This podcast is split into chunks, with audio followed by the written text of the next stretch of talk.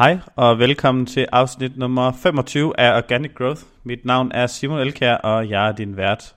I dette afsnit skal vi snakke om Second Tier Link Building, og hvad er det?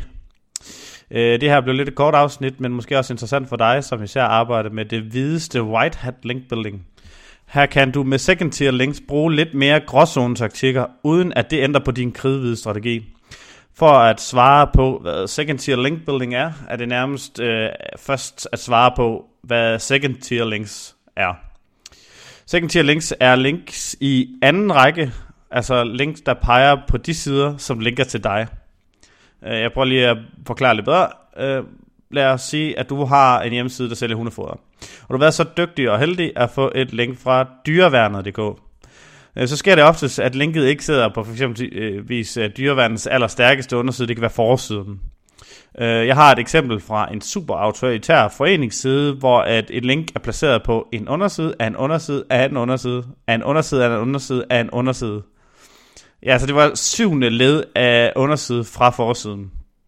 Og det er faktisk så svært at navigere helt derned, Øh, at jeg kunne ikke finde stien ned til det her link, øh, men heldigvis havde vi den direkte URL-adresse, hvor linket befinder sig. Ind kommer så uh, second tier link building, altså link building til denne autoritære underside med et link til os.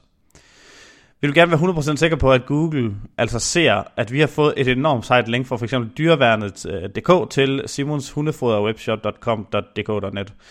Uh, vi vil gerne have maksimal ud af den autoritet, som dyreværnet linket øh, er for os. Men vi er lidt i tvivl om, Google crawleren øh, har adgang øh, helt ned i dybden og derfor kan vi hjælpe Google lidt på vej og linkbuilde fra mindre stærke og nemmere links øh, direkte til undersiden på dyrevandens hjemmeside. Autoritære sider som eksempelvis dyrevandens hjemmeside skal ofte ikke bruge ret mange øh, eller ret gode links for at rangere på øh, det emne, de skriver om. Og hvis en underside, du har et link fra, fra dyrevandens hjemmeside, rangerer bedre i Google, jamen, så kan jeg love dig for, at de link, du har fået, lige har fået et turbo boost. De allerbedste links, du kan få, er nemlig skruet sammen af tre ting. Nummer 1, relevans. Nummer 2, autoritet. Og nummer 3, trafik. Google har i adskillige direkte og indirekte indlæg meldt ud, at de bruger både Chrome og Analytics data til at gøre internettet bedre. Jeg har ikke kunne finde noget, der underbygger, at det direkte hænger sammen med SEO. Men der er meget, der peger på, at trafikerede, relevante, autoritære do-follow links er Nutellaen på de nybagte boller. De skaber rangeringer i Google. Så hvis du over den seneste periode har fået nogle enormt gode autoritære links til din hjemmeside, men du føler ikke, at Google rigtig har opdaget det, jamen så kan second tier links altså hjælpe dig godt på vej. Det var alt for i dag.